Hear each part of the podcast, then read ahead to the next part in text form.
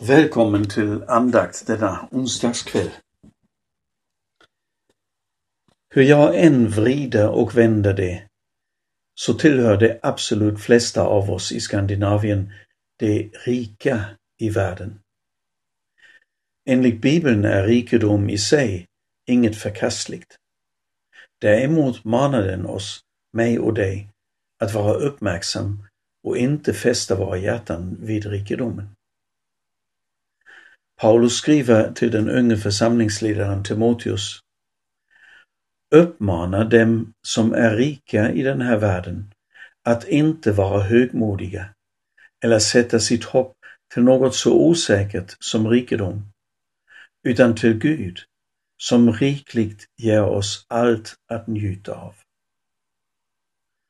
Uppmana dem att göra gott, att vara rika på goda gärningar, att vara generösa och dela med sig. Då samlar de åt sig en skatt som är en god grund för den kommande tidsåldern, så att de vinner det verkliga livet. Du kan läsa det i första Timoteus 6 kapitel, vers 17–19.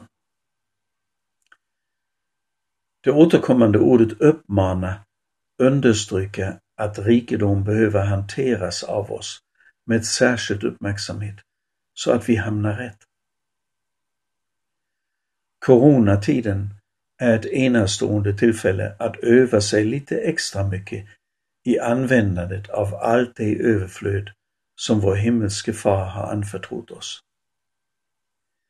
Många av våra fattiga trossyskon runt vår jord är just nu särskilt drabbade på grund av stängda gränser och nedstängda samhällen. Inte minst de som är förföljda för sin tros skull.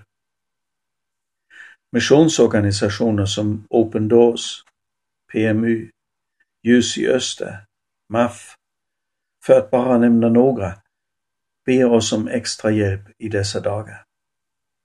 Liksom stadsmissionerna och andra som arbetar med hemlösa i vårt eget land. När vi gör andra gott genom att bistå och ge, så använder vi de gåvor Fadern gett oss på ett meningsfullt sätt. Den som med hjärtat ger och delar ut av sitt till andra blir inte fattigare utan rikare. Herre, hjälp och led oss i denna uppgift. Amen.